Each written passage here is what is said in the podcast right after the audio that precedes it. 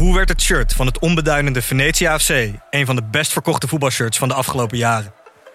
Wat is er zo geniaal aan de MLS-deal van David Beckham? En waarom vinden we het normaal dat jeugdspelers gezien worden als investeringsobjecten?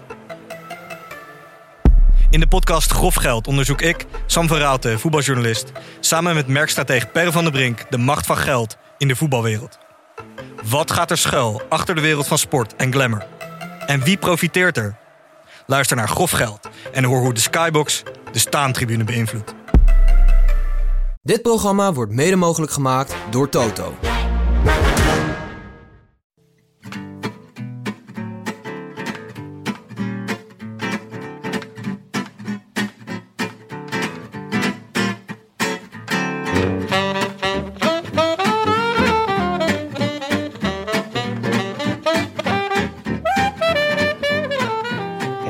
Zondagavond 9 mei 2021 en vanuit onze huiskamers in Amsterdam en Utrecht is dit de Rode Lantaarn.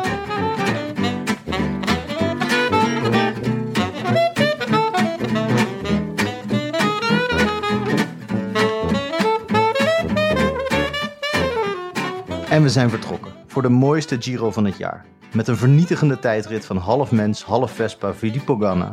En een sprintrit zoals een sprintrit bedoeld is. Dus met alle spanning in de laatste kilometer. En toch, zelfs als er niets gebeurt, gebeurt er in het wielrennen te veel om op te noemen. De comeback van Groenewegen, het eerbetoon van Tim Merlier, de reiger van Karsten Kroon, het grote duel van Emde Evenepoel en de ontdekking van Willems ontdekking Tobias Loïke Vos. Kekorsta, Kepaese, Kevita. En we zijn pas twee dagen onderweg. Nu komt eh, Viviani in de perfecte positie en Merlier zit daar ook heel goed hoor met de Krieger bij hem. Dit is een eh, ideale situatie. Op links komt uh, Kluge nu met de buist en met uh. Ook dat kan ook nog goed komen voor uh. Het is wat smaller nu. Met Nizzolo die daar nog altijd voor Sagan zit. Nu wordt de sprint in gang gebracht door Consoni. Met de Molano en dan Viviani. Dan komt daar Krieger met Gaviria en met Merlier daar in het wiel. Merlier zit daar bij Richese, die moet nu gaan aangaan. Merlier moet daar een gat gaan dichten omdat dat uh, gat uh, gelaten is um, op uh, Viviani. Nu komt daar Tim Merlier en die moet op 150 meter van de meet ver aangaan. Daar komt ook Groenewegen plots in derde positie. Gaat Groenewegen nog winnen? Of is het Tim Merlier, Tim Merlier voor België? Het is Tim Merlier die als opvolger van Wouter Weiland tien jaar na zijn overlijden een massasprint wint voor België. Tim Merlier wint de rit voor Alpecin Phoenix. Hun tweede dag in een grote ronde en het is prijs voor Merlier. Alsjeblieft zeg. I wish I could be in the south of France. In the south of France. Sitting right next to you. Ja, lekker hoor Frank. Ja, schitterend. Hoe was, uh, hoe was jullie weekend jongens? Um, ja. Uh, Heb je iets leuks gedaan Jonne? Nou ja, ik ben verhuisd hè jongens. Ja. Dus mijn hoofd is uh, ineens voor 80% helemaal leeg. Dus er, er, er, zijn weer allemaal vakjes opengegaan. Ik had een week ja, op, op een wolk. En het, het was heerlijk. Nou, Hoe bevalt het, het nieuwe huis? Ja, Goed, begrijp ik uit echt, deze, deze echt toon? heerlijk. Hoewel, ik, ik zit wel als enige niet in de huiskamer. Ik ben gewoon bij dag en nacht gaan zitten. Want ja, het is een nieuw huis, dus het is nog niet helemaal vol. Dus het galmt nogal. Hm. En ook de wifi in, ja, niet de woonkamer laat nog te wensen over. Dus ik ga nog even wat wifi-versterkers installeren. En dan uh, zit ik volgende week ook gewoon lekker uh, vanaf het bankje. Uh, ja, ja zie, want, zie ik jullie. Precies, want wij zitten. We, dit is de eerste keer dat we opnemen op, op, met, waar we met z'n alle drie op een andere locatie zitten. Frank in Utrecht, ik in Amsterdam Nieuw-West en jij in de dag en nacht studio's. Ja. maar het klinkt alsof we naast elkaar zitten. En zo voelt Techniek, het hè ook. jongens? Ja. Die techniek, dit is toch onvoorstelbaar. Als Tim een staart had, dan zou hij nu kwispelen hoor. Want Jouw kwispelen. laten we wel wezen, Tim probeert ons, en met ons bedoel ik dan Willem en mij, al heel lang te overtuigen om dit een keer te doen. Omdat hij zelf Haarlem niet uit wil. Ja, Ah. uh, Baarlem bedoel je. Um, En ja, Willem en ik hebben uh, ons daar met man en macht uh, tegen verzet. En ja, nu, uh, nu, nu zijn we er toch, moeten we er toch aan geloven. En ik moet zeggen, het, het, uh, ik, ik kan jullie ook zien. Kan jullie ook allebei tegelijk uh, aankijken. We kunnen obscene gebaren maken naar elkaar. Ja, dat, dat gebeurt ook. Ja, liever niet oh, meer. Frank, dit kan wel wat minder. Willem, trek je kleren weer aan. Nee, dus eh, ja, het, eh, het valt goed. Ik had jongen, een, jongen, eh, zijn, er, zijn er plekken in huis eh, die je, eh, of dingen die je echt vergeten bent tijdens de eh, verhuizing, waarvan je nu denkt, oh ja, shit, daar had nog wel een, eh, eh, daar had nog wel iets gemoeten, of dat moeten we nog kopen en daar moeten we nu een half jaar op wachten, of deze plint Nou, gaan we nooit ja, meer leggen. Eh, ja, nou, ehm, we hadden de vloer eh, te vroeg laten leggen, namelijk voor de verbouwing. Dat was niet slim. Nee. Want ja, dan moet je daarna weer alles afplakken en hem boenen en weet ik wat. Maar dat is Hm. uiteindelijk allemaal gebeurd. En gek genoeg, mijn hele oude huis is leeg, behalve de vuilnisbak staat er nog. Dus eh, ja, ik heb nu voor de vijfde keer een, een oud Albert Heijn tasje eh, naar de, eh, naar de eh, vuilstort gebracht. En eh, ja, ik weet eigenlijk niet waarom. Het is een, Nou, dit klinkt alsof het enorm meevalt. Als dit het is. ja, nee, ja, het is hartstikke soepel verlopen, jongens. Ik had eigenlijk ik had een topweek ook, op één ding na. Ik was, mijn eh, schoonouders waren er en mijn schoonvader ging even klussen. Ik ben zelf niet zo'n klusser namelijk. En eh, ik heb dan al heel snel het gevoel dat ik echt in de weg loop. En mijn dochter die eh, eh, wou niet slapen en eh er middagslaapje. Dus het was eigenlijk ellende. En op een gegeven moment dacht ik, nou, ik moet even eruit. Even het kopje leeg. Dus ik denk, ik ga een wandeling maken in het Oosterpark. Nou, wandeling aan het maken. Op een gegeven moment zie ik echt een beuker van een duif. En ik denk, dat is een houtduif. Maar ik weet eigenlijk niet zo goed waarom ik dat nou dacht. Dus ik ging opzoeken wat nou het verschil was tussen een houtduif en gewoon de normale vliegende rat die je altijd bij de Febo ziet. Mhm. En op dat moment, terwijl ik het opzoek, voel ik ineens echt een flatsch in mijn nek. Heeft die houtduif gewoon vol in mijn nek gepoept. Die was het er niet mee eens dat jij het aan het opzoeken was. Nee, terwijl het was echt uit pure interesse. Maar hij had echt scheid aan mij. Dus toen, ja, toen eh, ja, eh, heb ik het afgeveegd met een paar blaadjes. Dat was echt een heel droevig eh, moment. Stond ik zo in het Oosterpark met wat blaadjes, zo die vogelscheit af te vegen. En vervolgens, mijn handschoenen zaten ook helemaal onder de poep. Dus die moesten toen in de, ehm, in de was. En ik ben best kouwelijk, eh, zeker op de fiets.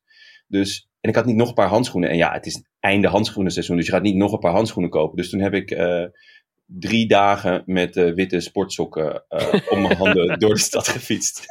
Het is echt waanzinnig dan? dat je hier zit eigenlijk. eh, en Ja, Ja. Het, is, het was echt een emotionele rollercoaster. Jeetje, Jonne. Je Ja. maakt wat mee.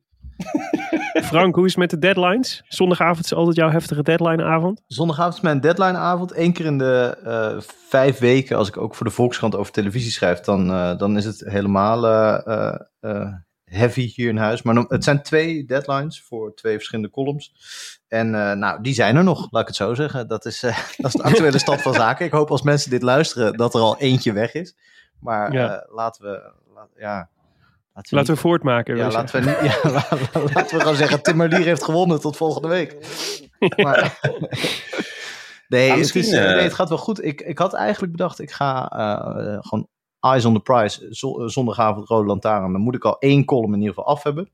Mhm. Maar ik had, een, ik had niet zo'n te gek, eh, te gek weekend en waanzinnige week als Jonne. Maar eh, ik had wel...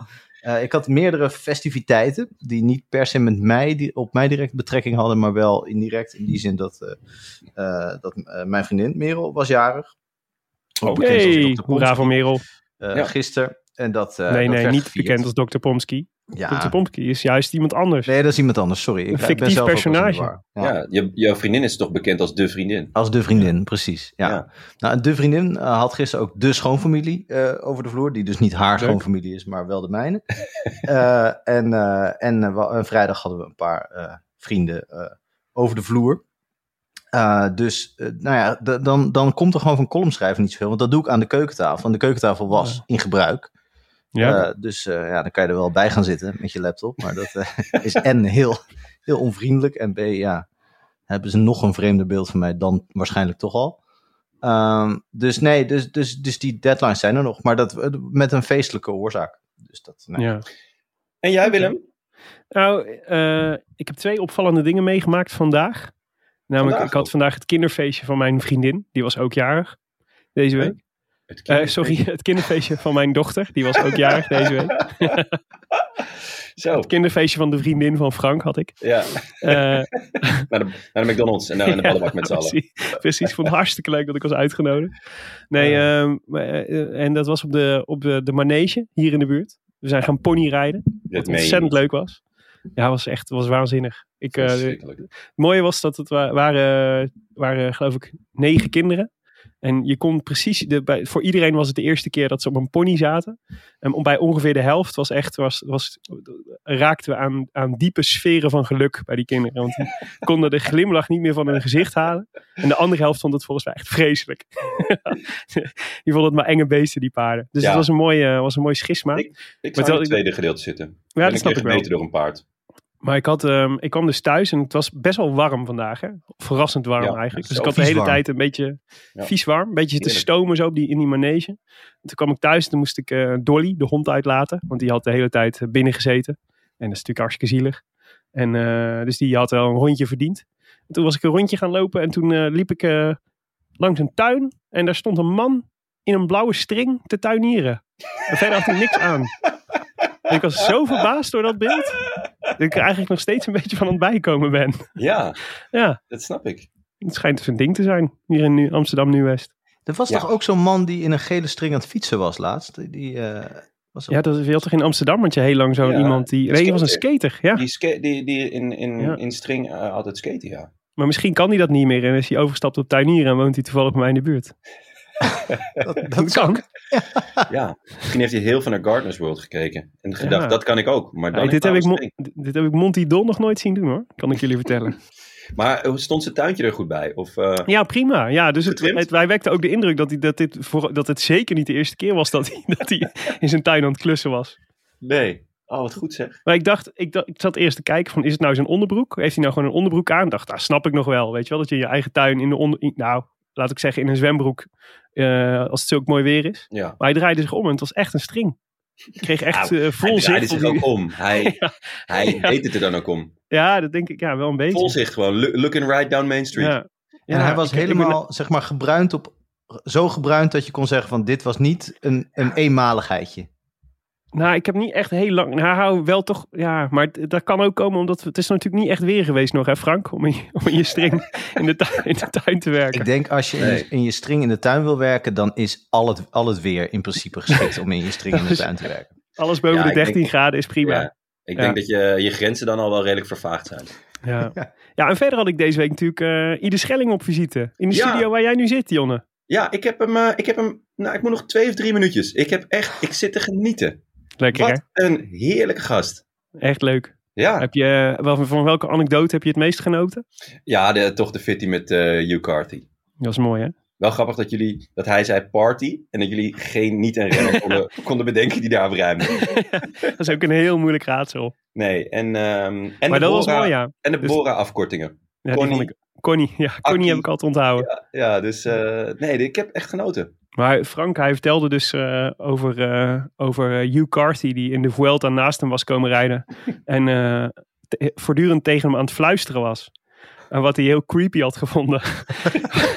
wat ik me echt heel goed kan voorstellen. En Ja. toen kreeg ze een beetje ruzie en dat is nooit meer goed gekomen. Dus nu is Hugh Carthy is de nieuwe nemesis van de Rode Lantaarn. Ja, een soort, soort kinderlokker in het peloton gewoon. Ja, dat is toch raar als iemand in één keer tegen je alleen- te fluisteren. Alleen bij heel jonge renners doet. Alleen bij neopros. Hey, hey, hey. hey, hey, hey. Dan kan je de Straks, fijne kneepjes van het klimmen bijbrengen. ja. Ik zie jij- straks wel op de massagetafel. Hè? Ja. Ja, mooi. Ja, nee, Nee, dus eh, luister hem vet. vooral allemaal. Ieder Ja. Schelling. Echt een, eh, echt, eh, nou ja, echt, ik, ik heb me echt heel erg vermaakt die eh, anderhalf uur op donderdag. Ja, dat kan ik me goed voorstellen. Ik was, ik was jaloers dat ik er niet bij was. En, Nou, en ben, je, ben je nu ervan overtuigd dat er, een, eh, dat er een klassieke zegen of een ritzegen aan zit te komen bij Ide? Want vaak als je iemand in de ogen kijkt, dan zie je het wel. Dan weet je het wel. Ja, dit is wel een winnaar. Ja, nee, ik weet was het wel, bang ja. voor. Ja. ja. We moeten, nee, nee, ja, zeker. Ik geloof daar heel erg in eigenlijk. Het is echt, eh, want hij kan ook zoveel. Dus daar ging het ook een beetje met hem over. Dat hij ook, eh, dat hij gewoon in sprints, eh, wordt hij tussen de toppers, oh, rijdt hij ook gewoon top 10, zeg maar. Ja. Dat kan hij gewoon. Ja. En tijdrijden Ja. kan hij als het een beetje een eh, parcours is, terwijl hij niet eens een tijdritfiets heeft.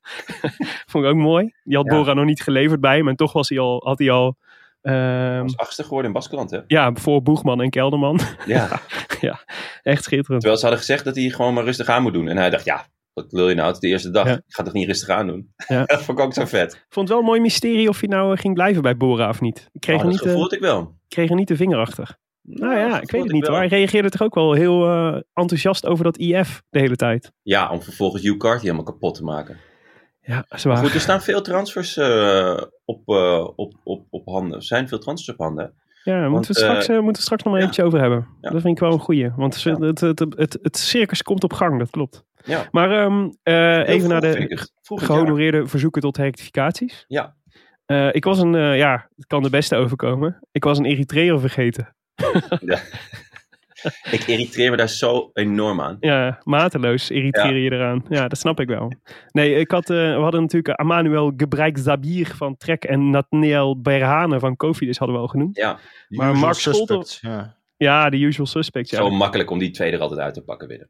Precies, want eh, Mark eh, Sch- Scholten die, eh, die mailde ons. Die schreef, bedankt voor wederom een mooie podcast. Verrassende keuzes en leuke aandacht voor tamelijk onbekende renners. Mijn wielerpoeltjeshart maakte een klein sprongetje bij het horen van de naam Nathanael Bayrhane.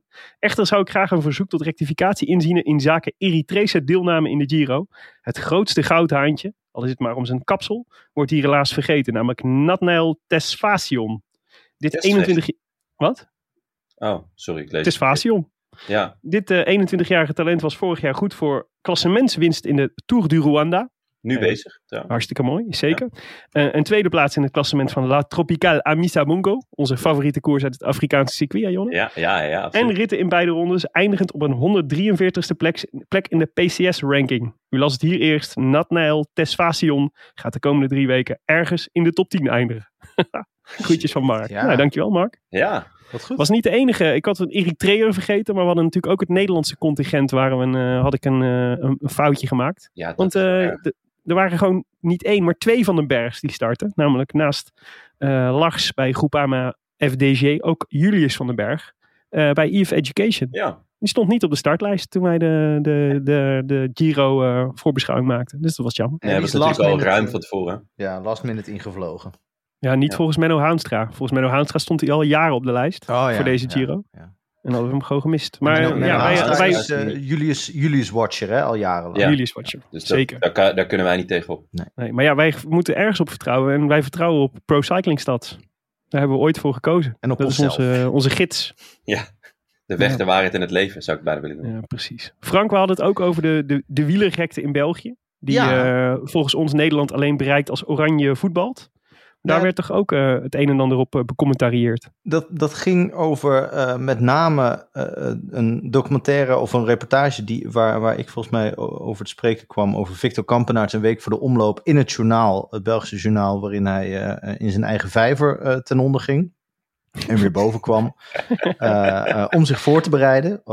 helemaal Wim Hof. En Matthijs Aukema liet weten dat in 2010 is dat denk ik geweest. Nee, 2012 natuurlijk. Ja, Het, 2012. eh, het, was het, roemloze EK eh, van, eh, van de generatie die twee jaar eerder nog de finale van het WK had gehaald.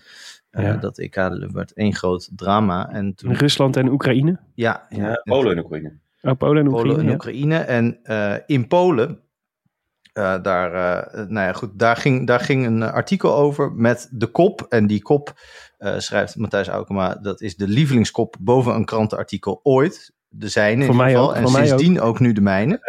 Ja. Eh, eh, die komt uit Trouw, juni 2012. En dit speelt zich dus af in eh, Polen. Ik denk tijdens het, eh, tijdens het toernooi. Eh, en de, de, de quote is... Blessure Matthijssen valt in het niet bij gruwelen Auschwitz. en ik zal, Ja, ik zal eh, Matthijs heeft ook twee alinea's bijgevoegd. Die zal ik even voorlezen. Want dan, dan zie je dus dat eh, de, de, nou ja, goed, nu ook de Evenepoelmania en überhaupt de wielermania in België wel enigszins te vergelijken is met de Mhm. voetbalmania. Of eigenlijk gaat, gaat Nederland daar qua dramatiek en hysterie nog ver overheen als, eh, als Nederland een groot toernooi haalt. Ik, ik lees voor. Van Marwijk beseft dat, het hem, dat hem een moeilijke afweging wacht. Alleen voor de wed- eerste wedstrijd in het toernooi mag eh, voor een geblesseerde speler nog een ander worden opgeroepen. Van Marwijk zal vandaag of morgen moeten beslissen of hij daartoe overgaat. Hij kan er ook op speculeren dat Matthijssen later in het toernooi fit wordt. De kans daarop lijkt bij de weinig atletische dertiger niet al te groot. Zo dreigt er zelfs een wrang einde te komen aan de interlandloopbaan van een trouwe oranje soldaat die zijn land 80 keer heeft gediend.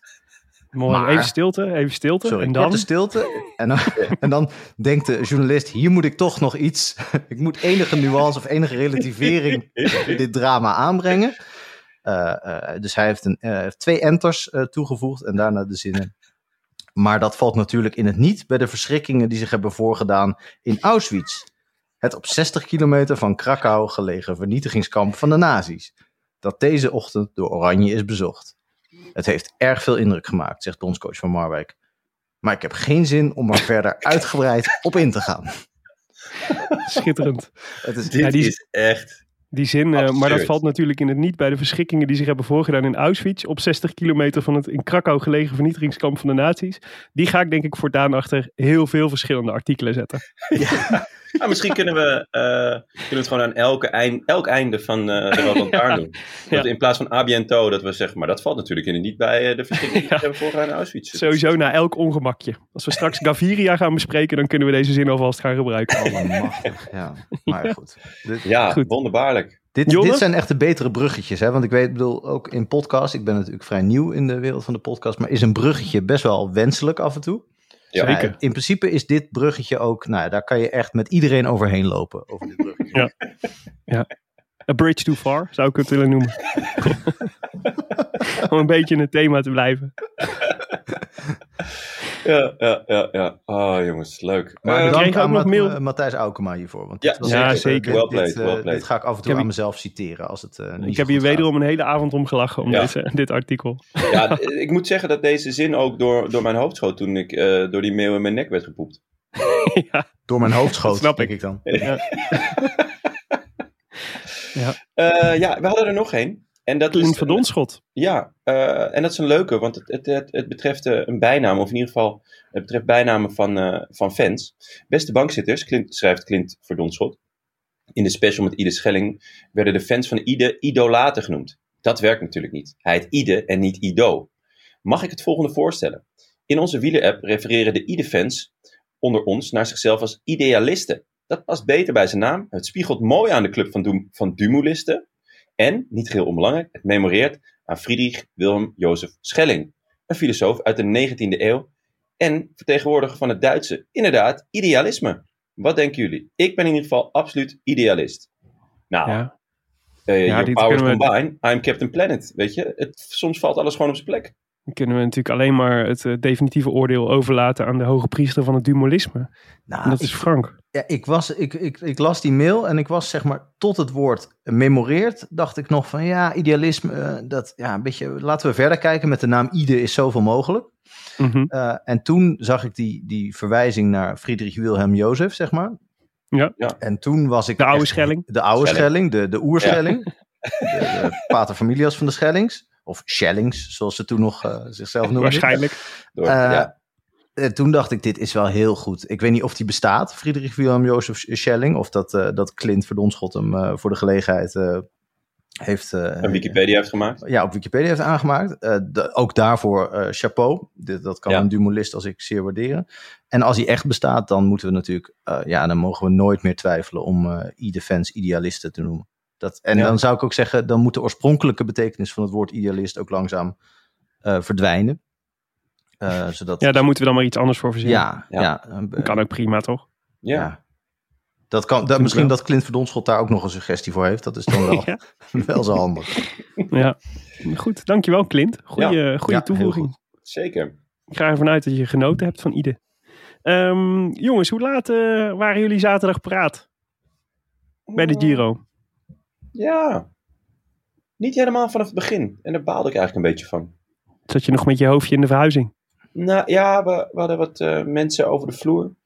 En een zusje van Emma en, en haar vriend. En het, en het bijbehorende babytje. En het was gezellig.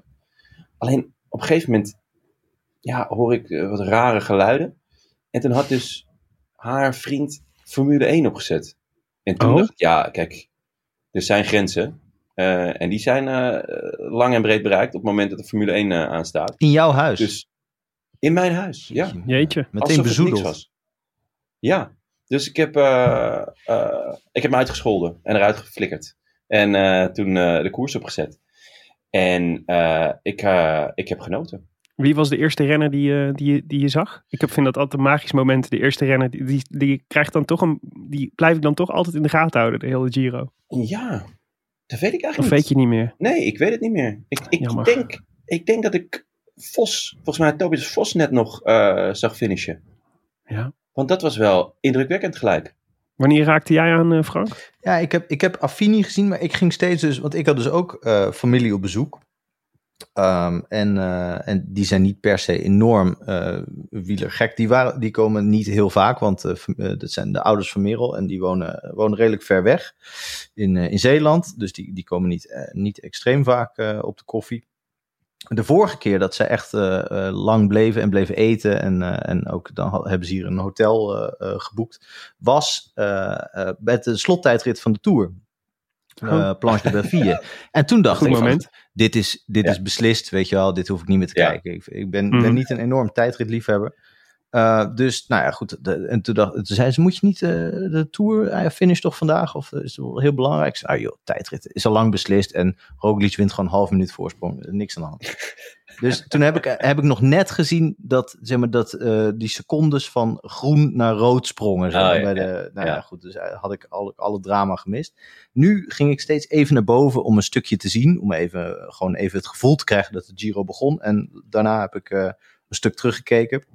Wat natuurlijk bij een tijdrit vrij saai is. Maar ik zag Affini onder andere. En die was ik een beetje vergeten eigenlijk in alle voorbeschouwingen en zo. Het ging heel veel over Cavagna en over Evenepoel natuurlijk. En over Ganna. Mhm.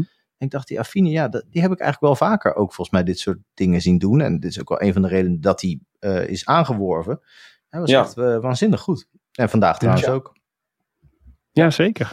Ja. ja, leuk voor hem. En jij Willem? Ik, ehm, eh, ik belandde in de hot seat met Matthias Brentle. Ah, ja. Oh, Ja. eh, de Early Bird Special had je. De Early Bird Special. Israel Startup Nation. Dus eh, de salami-ploeg van jou, eh, Jonne. Ja. Of de Chorizo. we Welk worstje had je ook alweer hebben. uitgekozen als, eh, als eh, De, de Chorizo, Israël Chorizo Nation. ze, hun shirt lijkt op een eh Chorizo worstje, Frank. Vandaar. Zeg, zeggen jullie, jullie zeggen Chorizo of Chorizo? Want je hoort ook heel Nee, veel ik zeg- mensen ik zeg gewoon Chorizo Chorizo. zeggen. En dat, dat vind ik, ik, ik waag me trouwens niet meer aan uitspraken. Jij, voor voor zegt het ligt mijn garage weer vol met Chorizo worst. Chorizos, zegt Willem. Want het is, wel weer, het is wel weer met die vermaledijde eh apostrof, hè Willem? Dat is toch vaak jouw, eh Valkuil. jouw, va- jouw valkuil. Achilles, eh, Ja. ja.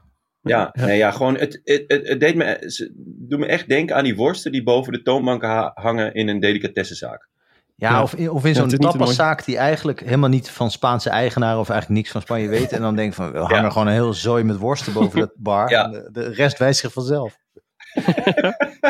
Ja, een vriend van me had dus een, eh, die was even eh, creatief met Kirk geweest. En die, had dus de, die was even gaan photoshoppen. En die had dus die ploeg boven zo'n toonbank gefotoshopt. En ik zweer het je, de eerste paar seconden zag ik het niet eens. Want het was gewoon echt, het is echt precies dezelfde.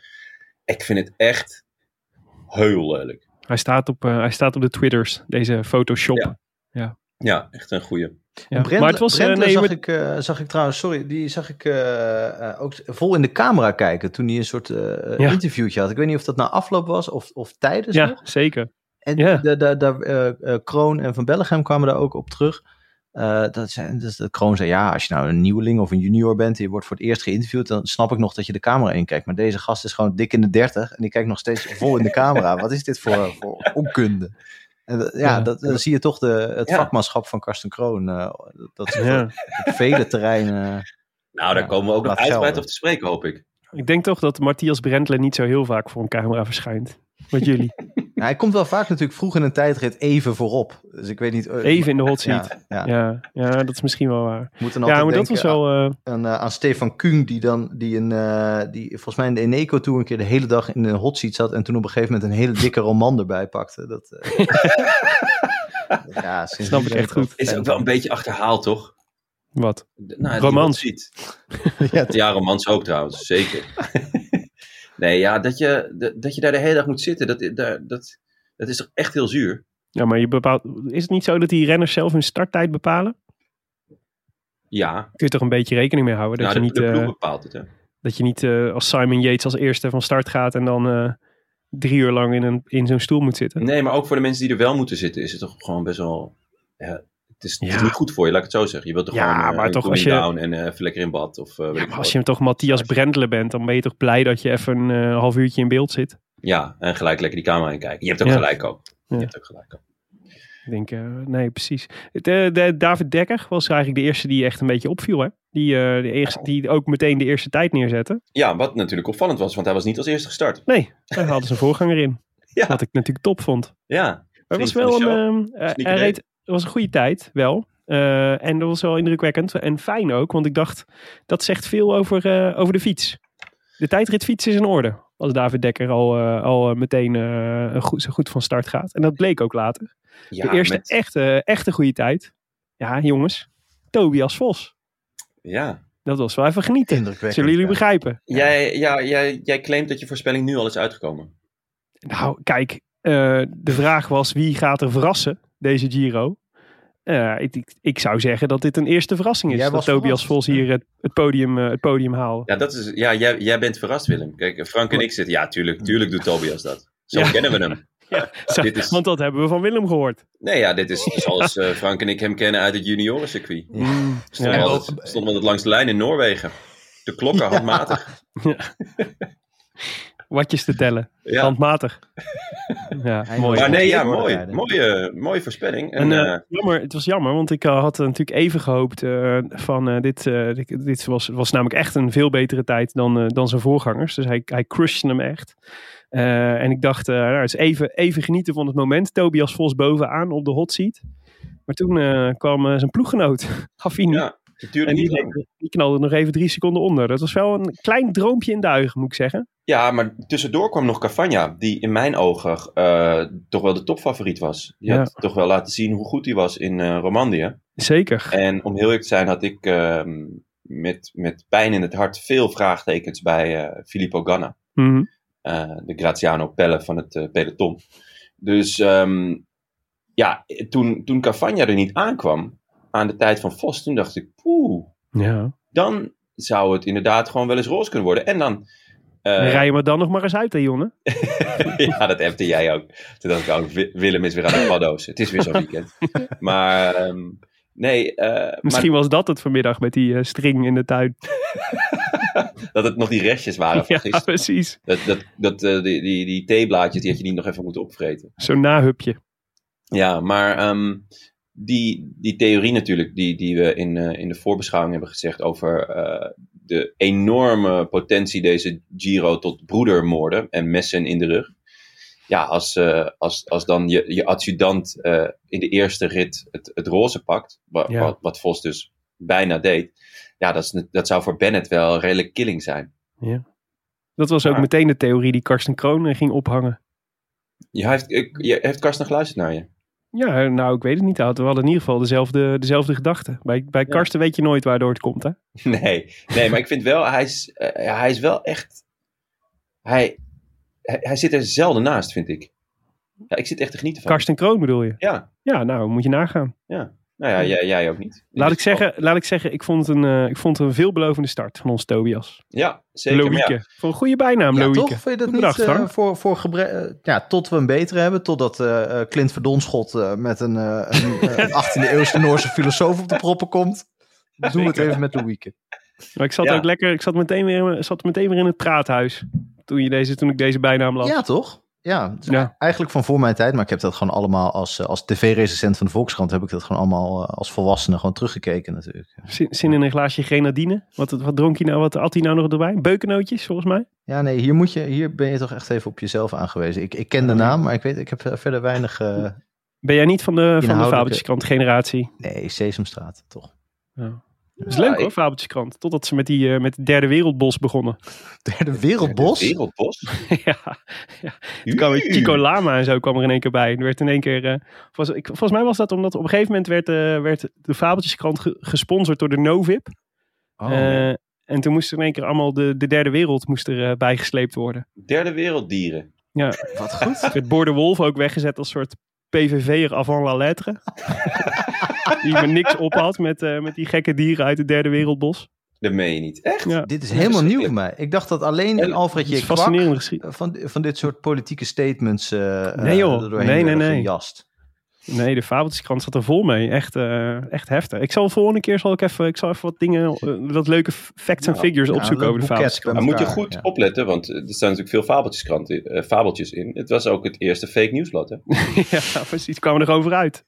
Hartstikke idee. Ja, Lekkere hapjes. idee. Ja, dat is waar. Ja, klopt. Dat, Dat is dit is de, Vos, dat is absoluut. Idee. Ja. Nee, maar het was eh, dus, eh, dus Affini. En eigenlijk vanaf dat moment was het natuurlijk eigenlijk wachten op, eh, op nog twee grote kanshebbers. die Ja. in staat zouden moeten zijn om Affini eraf te rijden. Die ook een minuut na elkaar starten. Ganna en Evenepoel. Dat was nog wel even mooi om te zien. Hè? Die negen minuten van die twee op de fiets. Super Ja. spannend. Ja. Vanaf elke, elke, elke kilometer zaten ze dicht bij elkaar.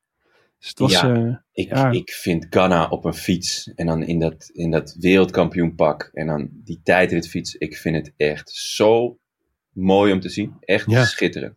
ja. Ik heb echt genoten. En dat hij dus ook gewoon even onderweg nog zwaaide naar iemand. Ja, ja was het zwaaien? Ik las, een, Ja, eh, las op Twitter de Daan van den Berg, eh, journalist, die, eh, die eh, suggereerde dat, het, eh, dat hij gewoon eigenlijk aan, eh, een signaaltje gaf aan, zijn, eh, aan de ploegleidersauto dat zijn eh, communicatie het niet deed. Oh, Of het ja. waren Iets minder vrienden van romantisch. Ieder Schelling die langs de kant stonden.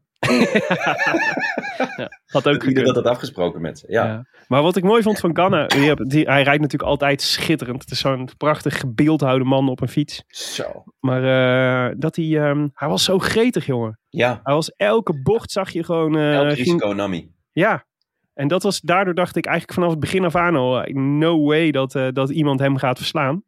En dan nog was het, eh, vond ik het echt, eh, ja, was het natuurlijk indrukwekkend hoe die, die tijd van Affinia Gort reed. Gewoon nog even 10 seconden eraf, zeg maar, op, eh, op eh, 9 minuten in totaal. Dat is echt, eh, dat is echt een flink gat hoor. Ja. hij is echt Je een ziet het soort- ook in de uitslag. Een soort verbeterde versie van Rowan Dennis lijkt het wel. Eh, ik vind hem, hij is echt waanzinnig. En, en natuurlijk vergeleken bij Evenepoel zit hij inderdaad ook heel mooi op zijn fiets. Want bij Evenepoel denk je altijd van, oh, er is nog gewoon nog heel veel te winnen met die tijdrithouding. Toch, hij ziet, er- het ziet er toch een beetje gek uit, of niet? Of ligt er nou aan mij? Ja. Ja, Net maar hij is best wel klein natuurlijk, Evenepoel. Dus, dus hij, heeft natuurlijk, hij vangt wel minder wind dan, eh, dan Ganna. Ja, ja, maar dus dit, het is op zich denk ik al van nature al redelijk, redelijk aero van nature, omdat hij Ja. gewoon klein is. Dus Ja. weinig wind vangt. Maar eh, nee, die, Hij is wat geblokter. Ja. Hij is wat geblokter en wat, wat, wat, wat vierkanter of zo. Terwijl bij Ghana ziet het er allemaal heel Vloeiend. natuurlijk uit. Ja. Ja, vloeiend. Vloeiend, dat is het juiste woord. Hij Ja. stond wel mager, Remco, zag ik. Ja. En hij ging vandaag meesprinten, hè? Voor de secondjes. Ja. Oude boef. Eerst zeggen van, nee, ik, eh, ik ga knechten en weet ik veel wat. Want dat was natuurlijk de, de, de strijd in de strijd, hè. Ehm, Almeida rijdt natuurlijk gewoon ook een heel goede tijdrit. Sterker nog, Mhm. die rijdt een betere tijdrit dan eh Eddie Evenemerks. Dus da, dat was... Dat, hij kwam twee seconden tekort, Evenepoel, op, op, eh, op Almeida. En die pakt hij dus vandaag weer terug. Ja, Ja. dat wordt echt... Dit is... Pak de popcorn er maar bij, jongens. Want dit wordt echt een feest. Ja. Ook met die column van eh Lefebvre. Mhm. Hebben jullie ge- gelezen of eh, gehoord? Overgehoord. Over Almeida die vertrekt. Ja, Almeida vertrekt. Ja. En, ehm, want hij vraagt veel geld of weet ik veel wat. En eh, ja, Lefebvre zegt, ja, eh, ze moeten, de koers gaat bepalen wie, eh, wie de kopman is. En, eh, als, we, en we kunnen aflezen aan de, aan de wattages en aan de hartslag of, of die ander zijn best doet.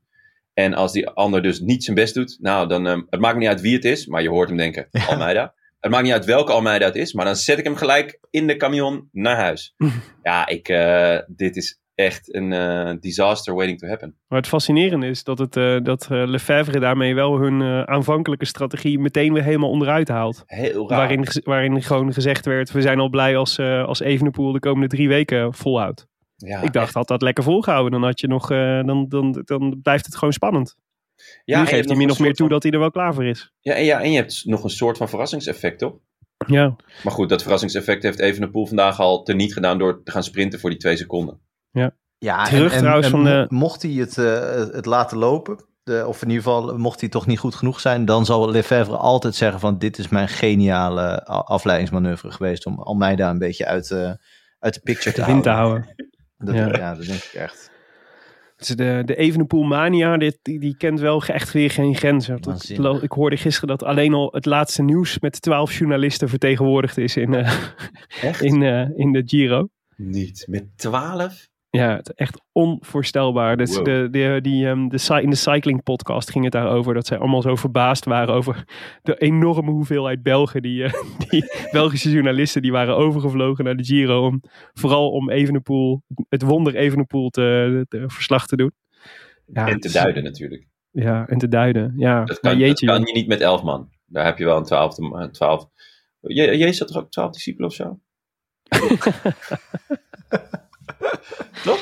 Je bedoelt bij dat laatste avondmaal. Hadden het laatste avondmaal, ja. Oh, moeten we dit, eh, dit, hier worden we vast op gecorrigeerd, Jonne. Ja, ja. 11 of 12? Daar wil ik vanaf zijn. 11. Sowieso 11, want da- daar komt ook het voetbal vandaan. Hè? Uh, oh ja. Past, het past aan één avondmaal. Ja, nee, maar over Almeida gaat nu dus, eh, eh, net als over Hindley trouwens, dat, eh, dat, die, eh, dat ze naar Bora gaan. Hè? Ja. Sagan gaat vertrekken bij Bora en dat eh, in de ruil daarvoor, dat ze daar Almeida en Hindley voor terughalen. ja. Dat Ik zou wel dat- fascinerend zijn. Ik denk dat Kelderman er een flesje wijn op heeft gegooid en tegen de muur heeft gesmeten. Oh, ja. Wat heerlijk, weer samen met, Jo- met, met Jay in de, Jai. met Jai, met Jai in de ploeg. Jai de Judas Hindley. Ja. Ja, het zou goed Maar, zijn als ze nog ehm, die ploegleider van, eh, van eh, hoe heet het, eh, DSM of van Sunweb eh, ook, ook overnemen, Bora. Dan kunnen ze gewoon kunnen ze nog eens eventjes Winston. overdoen. Ja. Ja. het zou top zijn. Nee, maar de, de winst was dus voor, eh, voor Ghana, voor Affini, die werd tweede. En Tobias Vos derde. Ja. Keurig, Tobias. Almeida vierde. En misschien wel, nou ja, met Vos. Maar Almeida slaakt toch misschien nog net iets hoger aan voor de, voor de klassieke klassementsambities. Ja. Ehm, eh, de beste, de beste van, de, van, de, van de echte klassementsmannen. Cavagna vijfde. Jos van Emden, vriend van de show. yes. Keurig zesde. Wauw, ja. Mooi. Echt, eh, en klasse, ook dus van Jumbo-Visma. Weer gewoon met drie man bij de eerste zes. Ah, was er Ehm, niet, niet iets over een, eh, de bejaarde trui? Grijze trui. En, ook een, de De grijze trui, ja, zeker. Ja, die kreeg je van Christian Nierman aangeboden. Ja. Die grap hadden wij volgens mij ook al wel eens gemaakt. Over eh, dat, het, dat, we, dat het tijd was om het jongere klassement af te schaffen met al die jongeren. En gewoon een oudere klassement, een veteranenklassement te maken. Dat dat veel bijzonderder is inmiddels dan, eh, dan de jongeren. Wat ik nog steeds serieus een goed idee vind. Ja, En, en leuk de- voor Valverde. voor alles boven de 35 plus. En Jos is 36 volgens mij. Dus dan, dat, dat tikt lekker aan. Mooi hoor. Maar knap, ik vond het echt serieus knappe prestatie dat, Ja. hij, eh, dat hij hier zesde werd. Geweldig. Niet per se verwacht. Ja, het is uitkijken naar die laatste. eh, Ja, daar zal, eh, daar zal hij zelf ook naar uitkijken. Ja. Evenepoel werd zevende. Max Walscheid, achtste. Ja, pure power, hè, dat stukje. Brentle negende. Gianni Moscon, eh, Moscon tiende. Mooi, mooi overzicht. Wie, wie van de klassementsrenners eh, heeft jullie verbaasd? In positieve of negatieve zin? Zijn er mm, al winnaars en verliezers aan te wijzen? Ja, ik, ik vind Evenepoel heeft me wel verbaasd. Ik bedoel, die heeft echt lang niet gereden. En had, had hij nou zijn hele rechter of linkerkant gebroken? Rechts. Of allebei. rechts. Heel, Of heel zijn rechterkant was stuk. Ja. Dus eh ja, Evenepoel, Vlaasov. eh, want die wordt gewoon elfde. Zo, ja. Eh Dr. Potso. Waar die dat ineens vandaan haalt. Die heeft toch echt nog nooit een goede tijd gereden? Ongelooflijk, Mhm. toch? Ja. Dit, hij is 38 of zo. Ja. En gewoon knetterhard gevallen. Hij sorteert voor nu- op die grijze trui, eh, denk ik. ja, Ja. die gaat vol voor de grijze trui. Eh, en de rest stonden allemaal een beetje op eh, tussen de halve minuut en de, en de 45 seconden. Behalve natuurlijk de echte eh, beunhazen tegen de klok. Dus de Daniel Martins en de, de Romain Bardet en de Mico Landa's van deze wereld. Ja. Die, eh, nou, Daniel Martin krijgt bijna een minuut aan, aan zijn broek. Boegman ook echt slecht. Ja, 55 echt, sle- echt, echt slecht, ja. Ehm Romain Bardet 52 seconden, Landa 49 seconden. Ja, Landa, het is, het is natuurlijk tragisch, maar ja, het is gewoon weer dezelfde wat er altijd gebeurt. Hij, hij moet, moet nu alweer gaan achtervolgen en gekke Ja. dingen gaan doen. Ja, dat. En hij moet straks, als hij, eh, stel dat hij nog in kansrijke positie staat, heeft hij eh, denk ik eh 3,5 minuut nodig voor die laatste dag. Om überhaupt kans te maken. Dat is natuurlijk echt, eh, ja. Ja. Dus hij moet eh, de komende, de, ergens in de komende drie weken, min drie dagen, moet hij ongeveer vier minuten goed maken. Ja, dat is En, eigenlijk, eh, en bij Bardet denk ik, volgens mij heb ik al vijf jaar op rij gehoord dat hij dan in de winter zegt: Ik ga nu meer trainen op mijn tijdrit. Volgens mij is dat een soort. En, en nu is hij ook naar een nieuwe ploeg overgestapt. Ook Ja. ongetwijfeld vanwege de tijdrit. En dan wordt hij weer 91ste. Er Ja. waren ook een aantal mensen die na de voorbeschouwing zeiden... jullie zijn Bardet vergeten in de, eh, om als favoriet te noemen voor die, eh, voor die Strade Bianca rit naar Montalcino. Eh, Ja. En toen was de vraag van, gaat het dan over, ging het over klassementsrenners die het daar goed zouden doen of mensen die kans zouden maken? Maar ik zou hem toch bijna niet meer bij de klassementsrenners... Ik, ik denk het wel. Ik denk dat hij top 10 gaat rijden. Ja, maar ehm, om, om dan een, een, een resultaat van drie jaar geleden in de Strade of Bianca, eh, voordat we daar weer eh, allemaal Ja. boze brief over krijgen. ik ben al begonnen aan de Ehm, rectificatie. Eh, om, om dat dan aan te halen van daarom gaat het hem lukken, dat, dat denk ik eerlijk gezegd niet. Maar ik weet het niet. Het is, eh, ik ben gewoon heel erg benieuwd hoe, hoe, eh, hoe hij het gaat doen nu bij die nieuwe ploeg. Hij is natuurlijk wel gewoon weg uit zijn vertrouwde omgeving. Uit, uit, uit de Franse ploeg die toch best op de oude school is eh, eh, gestoeld. Ehm, en ja, hij is nu bij een, een best high-tech ploeg, in ieder geval met, met veel eh, eh, een wetenschappelijke inslag. Ja. En wie weet eh, kan hij gewoon wel gewoon, weer, ja, gewoon weer zo goed zijn als hij ooit was. Hij is natuurlijk gewoon tweede en derde geworden in de Tour. Hè? Ja. Dus ja, Weet je, wat Ehm. me, weet je wie me tegenviel? Eh EF Education. Die, dat, ik dacht echt, dat is toch een ploeg die we vorig jaar en het jaar daarvoor heel veel roemden om hun tijdritten. ja, Eh, en ze zijn helemaal nergens, joh. Volgens mij werd Betty Jol werd, eh, was, eh, was nog redelijk hoog. ja. Maar ook niet dat je dacht, maar, ja, ook niet dat je denkt van, eh, van eh, daar, eh, daar, daar, daar, daar- van Betty Jol zou je nog wel meer kunnen verwachten. ja, zeker. Was gewoon een Eh, outs- outsider hoor. Hugh Carthy werd eh 35ste. 38 seconden. 35. Kijk bij de tegenlijn, ik ben 35 geworden vandaag. Ja, Maar maar het is ook een toch, eh, podcast, hè, Hugh Carty. Zou die dat dan ook doen? Ja, dat is vet, dat hij, dat hij allemaal mensen gaat eh, uitfluisteren in zijn podcast. Dat zou ik echt leuk vinden. Nou, welkom bij de Hugh Carty podcast. bitches. I'm gonna fuck you all. ja. Oh, heerlijk. Ja, Echt, maar nee, dat, maar vond ik Het echt is gewoon een opvallend. collega van ons, hè? Vond, ik- ik vond het echt opvallend dat de jongens van EF Education zo, eh, zo matig reden. Want die leken Ja. echt eh, als soort van doorbraak heb, te hebben beleefd op de tijdritfiets allemaal. Eh, en ze, hebben, ze hadden ook nog best wel, nou ja, gewoon best wel wat mannen die het zouden moeten kunnen. Nou ja, inderdaad, Betty Jol met name. Maar die viel toch allemaal tegen. Ja. Dus het is toch best wel gek dat het dan in één keer allemaal Ja. weer niet zo is. Ja. ja. Goed. Nog even Simon Yates. Want toen hij. ehm, eh, toen we hem jinxten, maar toen hij dus zo goed was, die, die, die Giro, weet je wel. Toen werd hij, geloof ik, eh, in, die, in de openingstijdrit iets van tiende of zo, of achtste, uit mijn hoofd. Eh, dat was toen voor mij echt een teken van, wow, hij is echt goed. Hij, Mhm. gaat, hij zou deze Giro zomaar eh, kunnen gaan winnen. En nu, hij, hij en Bernal houden elkaar op 1 seconde. Dus op 38 seconden van Ghana en 39 seconden van Ghana. Kunnen we daar al iets van zeggen? Nou, het Is is, het is Is wel oké, toch? Ik bedoel, ik denk, ik denk dat dit Ja, het is echt niet nog, slecht, zeker eh, iets te vroeg is om iets over te zeggen. Ik denk ook dat iemand als Bernal, als hij echt top is, dat hij ook bij de eerste 25 rijdt. Maar ja, Ja. Ja, Dus- maar het zit allemaal zo dicht bij elkaar, joh. precies. Het is Want één het verkeerde het bocht en je, en Ja. je bent veertigste. Ja, ja. Precies. En dan kun je wel weer een hele theorie ophangen over dat dat ook wat zegt over een renner als hij een bocht verkeerd aansnijdt. Ja. Het- het- Of volgens mij ging het bij Bernal ging het, eh, dat, hij, eh, dat Kroon en eh, de Babbelbelg constateerden dat hij bij de start twee keer moeite had om zijn vermogensmeter in te drukken. En dat werd dan uitgelegd als, eh, zie je, hij is heel zenuwachtig. wat ik op zich wel snap als je aan de start van de Giro d'Italia staat. En er best wel wat druk op je ligt. Maar dat zijn inderdaad wel, eh, ja, Want die powermeter heb je toch ook al heel vaak in je leven aangedrukt. ja, heel moeilijk kan het niet zijn, denk ik ook. Nee. Maar Nou, ja. en ik vind, ik vind ook Misschien heeft hij dikke vingertjes. Dat, Dat- kan hè. dat- Sommige mensen hebben dat. dat ze bij Eurosport wel even moeten oppassen met het indrukken van verkeerde knopjes of de juiste knopjes. Want ik kan me nog herinneren, was het in de Vuelta dat je opeens gewoon 10 minuten naar een van een gitaarsolo. Is dat te luisteren? Ja, van Karsten. Kroon. Die vond ik eigenlijk heel fijn. Ja, Vandaag hadden ze ook weer een stagiair op het geluid gezet hoor. Het was echt af en toe dan kreeg je weer ineens eh, eh, Brits commentaar of gewoon commentaar van een andere sport of gewoon eh, weet ik veel, een film of zo die ze aanzetten. Het was echt absurd. Ja, waarom laten ze dat elke keer weer door een stagiair doen? Je zou toch denken, ah, het is op, op zich wel leerzaam natuurlijk ook. Dus Zeker. gewoon, je gooit hem gelijk voor de leeuw. Fout te maken mag hè. Ja. Ja. hey, en vandaag jongens. De zondagsprint. was Ja. natuurlijk al eh, uit, uit en na aangekondigd wat het scenario voor vandaag zou zijn. Ja. Namelijk Ja. drie man die, eh, die eh, of een paar man die mochten wegspringen van de, van de matige ploegjes. Waaronder Marengo, wat ik wel weer leuk vond voor eh, luisteraars van de Willem-podcast. Komt die naam je zeer bekend voor. Zeker, ja. Ja. Dat is de, de naam van het proces tegen Ridouan T. Waarom, waarom heet het Verstandig, eigenlijk uh, verstandig. Marengo-proces? Geen idee. Dat is Volgens eh. Het zijn allemaal van die, van die fantasie, fantasienamen. Volgens mij is het, ik heb dat eens een keer uitgezocht. Volgens mij is het zelfs bewust dat die namen niks betekenen. Ja. Omdat het anders dan weer, eh, dat, dat, het, het moet juist, ze moeten niks betekenen. Want anders dan wordt er weer allerlei betekenis aangegeven. Ah. En dat kleurt dan die rechtszaak weer.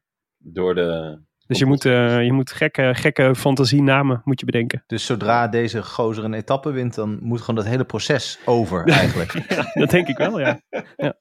Zeker. Het zou wel leuk zijn als ze voortaan dit soort monsterprocessen voortaan naar wielrenners noemen. ja. Ja, het zou wel echt leuk zijn, ja. Ieder gaan gewoon Of de hele Androni. Giocattoli ploeg af voor eh, namen rechtszaken. kan echt goed. Nee, maar het was, eh, het was een was- saaie dag. Zo de knetteré. Ja. Ja, En eh, ja, jullie weten, ik hou, ik hou van de saaiheid van wielrennen. zeker. Maar dit was wel echt een nieuw niveau. toch? Ja. Ja, de grenzen van het En betalen. in, en in dit weer is het wel een verzoeking om de hele tijd te kijken dan. Hè? Ja, nee, ik heb, eh, ik heb niet de hele tijd gekeken. Ik, ben ook eh, een paar keer naar buiten geweest. En, ehm, maar de quote van de dag heb ik wel meegepakt. Namelijk? Wat was de quote van de dag? De Babbelbelg die heeft volgens mij een cursus eh, in de winterstopcursus Smalltalk gevolgd. Dat is natuurlijk niet zijn sterkste punt. En eh, eh, terwijl, ja, eh, Karsten Kroon, ja, de, de, de naam zegt het al, dat is de koning van de Smalltalk. Ja. En die neemt, die neemt zijweggetjes en olifantenpaadjes. En dat, ik kan me ook voorstellen dat het lastig is. De hoor, voor- porseleinkastjes. ja, voor, voor Babbel. Dat het gewoon echt wel lastig is. Maar op een gegeven moment zei dus de Babbelbelg. Ik, ja, ze hadden het ergens over. En op een gegeven moment zegt de Babbelbelg tegen Kroon. Ben jij fan van rijst? Waarop Karsten zegt. En toen zei hij nog even daarna als wielrenner. toen zei Karsten. Nou, als mens eigenlijk ook wel. ja, de, de totale. eh, Mooi hè, dat is dag twee dit. ja, ja, ja. En dan moeten ze echt nog lang hoor. Dan, Ja. is, dan is Milaan echt nog ver. Als je gewoon op dag twee al, al je troef op tafel moet gooien. En gewoon even een gesprekje over rijst eh, moet beginnen. Want ja, ja, die arme jongens. Het was natuurlijk ook niet de meest dierdichte etappe. Dus het, het, Nee, Nee, de Karsten dierdichtheid zit er dan niet tegen. lekker in. nou, er was natuurlijk wel één dier. ja, maar de eh, vraag was welk dier? Ja, eh, Karsten dacht dus dat het ooievaars waren. Ja, maar hij begon Over het met... algemeen toch vrij herkenbare dieren. Ja, Ja, maar dat- de kraanvogel lijkt er natuurlijk ook best op. maar, maar het rare is dat hij dus eh verwar... Hij is heel enthousiast en zei... hey, is dat een reiger? En reigers... nou, je ziet gewoon... Er zijn meer reigers dan mensen eh, op, op sommige stukken. Als je gaat fietsen in de Randstad tenminste Zeker. wel. Albert Kuip. Albert Eh, Kuip. echt waanzinnig veel reigers. Echt overdreven Ja. veel reigers. Ik zeg niet minder reigers, dat zal je mij niet horen zeggen. Maar er zijn in ieder geval genoeg reigers. En, en ooievaars vind ik echt spectaculaire Ja. beesten. Er zijn er ook veel Ja, van. Maar, daar, dus, Maar wel minder. Ja, ja, en ik, en ik, En maar- ze pakken onze banen niet af, hè? Dat is ook belangrijk. maar het, het, het vervelende is dus, of het rare vind ik, dat hij heel enthousiast zei: Is het een reiger? Oh nee, het is gewoon een ooievaar. Terwijl, ja, ik heb dit ook wel eens, maar dan precies andersom als ik aan het Ja, ben. Ja, klopt. Oh, dat- ja. Ik, ik Oh, vond maar het een rare ook move voor een dierenliefhebber. Ja. Ja, Maar Gek om de reiger boven de ooievaar Ja, te plaatsen precies. inderdaad. Hebben jullie vervolgens dat verhaal gehoord van hem over die ooievaars? Nee, toen ben ik weer even naar buiten gelopen, denk ik. Nee, ja, en ik, en Nee, ik ja, zat op een pony, er- Jonne. Er kwam, er kwam dus reclame. En toen heeft hij dus blijkbaar dat verhaal aan de Babbelbel verteld. En de Babbelbel vond het zo'n sterk verhaal. Die zei, nou kan je het nog een keer vertellen. Dus Karsten die zei, ja, vorig jaar toen mijn eh, eh, vriendin hoogzwanger was, eh, kwam er ineens een ooievaar in de tuin. Nou ja, dat is natuurlijk al heel symbolisch. Vervolgens ging, liep Karsten dus naar buiten, want het beest bleef daar zitten. En toen kwamen er dus- dus nog 14 ooievaars. En die er hebben dus 15 ooievaars in totaal. Hebben een nacht overnacht in zijn tuin. En de volgende ochtend waren ze weg. Dat is, dat is ik denk, Klinkt ja, ongeloofwaardig. ik denk dat Karsten Kroon gewoon een paar weken heeft staan figuurzagen ergens. Vijftien van die dingen heeft gefiguurzaagd met van die, weet je wel, van die eh, draagzakjes in een snavel. En Ja. daarna eh, naar zijn vriendin is gelopen, die natuurlijk gewoon ja, het allemaal zwaar had en zo. En toen zei en, wat ik nu zie in de tuin, dat is echt een natuurverschijnsel. Ja, en nou ja, dat, Ja, het kan natuurlijk ook weer met zijn ayahuasca eh, verleden te maken hebben. Dat is, dat is de meest plausibele. eh, Dat boert hij af en toe nog op. Ja. Gaat, het Maar- gaat heel moeilijk uit je systeem. schijnt. Maar laten we hopen op, eh, op, op eh, bevers en eh andersoortige eh, dieren. Ik, deze. ik heb het idee dat we ons nog best wel... we Ik heb Ja. eens even de kaart bekeken. We gaan nog best naar eh, wat diervriendelijker streken. Noord-Italië, daar zitten beren. Laten we Mogen, mogen we vanuit gaan. Ja. hey, maar ehm, het, ja, het was natuurlijk de, echt de hele tijd wachten op, eh, op, eh, op de eindsprint. Ja. Tussendoor, jij zei het net al, twee bonusseconden voor Eddie Evenepoel. Drie voor eh Ganna ook nog, hè? Ja. Die won de sprint. Mhm. Ja, leuk. Ehm, die, ehm, en, eh, maar verder was het gewoon wachten totdat het, eh, totdat het eh, sprinten ging worden. Het was een beetje ehm, moeilijk om van tevoren aan te geven wie nou eigenlijk de grote, grote favorieten waren. Ook de sprintkanonnen waren echt wel een beetje omgeven door vraagtekens. Sommigen die dan, eh, die, eh, nou, bijvoorbeeld Groenewegen, die weer echt op de weg terugkwamen. Anderen die niet hun vaste sprinttreintje bij zich hadden. Merlier, die natuurlijk een beetje een vraagteken was van hoe goed is hij nou eigenlijk als hij tegen de echte mannen komt. Dus Ja. het- en, en het is natuurlijk dat gecombineerd met dat het de eerste sprintrit in de Giro is. Dus per definitie nog zenuwachtiger dan alle andere sprintre- sprintetappes. Mhm. Ik dacht, ja, er zit wel een soort van eh, verrassing in, mogelijk. Ehm, en, ehm, maar het was een. het was een ehm, nou, er, er, er zaten wat onregelmatigheden in de sprint. Zagen jullie eh, de move van eh, Sagan op een gegeven moment? Ja, Ja, meerdere. dat was niet helemaal... eh, ja. Schouderduwtje. Was Ja. dat, eh, kon dat nog door de beugel of kon dat niet meer door de beugel? Ehm, ik vond het op het randje en misschien wel erover. En dat, is, dat doet me pijn eh, als Sagan-fan, Saganista. Saganista. Ehm, maar hij doet het echt veel vaker de laatste tijd. Ja. Hij is echt way too much aan het uitdelen en cakeys en eh, eh, kopstootjes. En dat ik elk, want als, als dit een keer gebeurt, denk je oké, maar het is me echt al wel net iets te vaak opgevallen het afgelopen jaar. Ja, en het is gewoon, het is natuurlijk en heel gevaarlijk. En ik begrijp het gewoon ook niet helemaal waarom hij zo, eh, eh, waarom die zo, waarom die zoveel risico neemt om iets, ja, zeker voor iemand van zijn statuur, best wel, best wel onbelangrijks eh, te winnen. Of en maar, de kleine kans te krijgen om de, zoiets bela- onbelangrijks te winnen. Want zelfs als hij in een perfecte positie zit, zit er op zo'n vlakke aankomst, zijn er gewoon vier sneller in principe. Dus ik snap Mhm, gewoon ja. niet waarom hij eh, het risico neemt op dis- disqualificatie, op zelf vallen, op andere mensen laten vallen. En dan te kunnen sprinten vanuit de per- perfecte positie. Om dan echt overduidelijk afgedroogd te worden door Ewan of Groenewegen of Viviani of weet ik veel. Iemand die, die Ja. eh, gewoon intrinsiek sneller is. Dat vind ik, ik snap gewoon niet Ja, waarom ik- hij dat doet. Waar, waar, waar begin je aan? ik, ik, ik denk dat hij, dat hij het ook moeilijk te accepteren vindt. Want vroeger klopte die Viviani natuurlijk wel. En eh Groenewegen en Ewan misschien niet. Maar weet je, hij heeft gewoon wel massasprints gewonnen. En ik denk dat het toch een beetje, eh, dat hij ook dat moeilijk vindt om te accepteren. Dat hij eigenlijk niet echt meer meedoet in de Een massa. worsteling van de oude man is dit gewoon. Ja, wel een beetje. Ja, Weet je, net als Mark van Bommel in zijn nadagen. Die ging ook nog meer schoppen. laten we het niet over Mark Bommel hebben. Ik dacht dat je Mark Dutroux gelijk- ging zeggen, maar ik weet niet.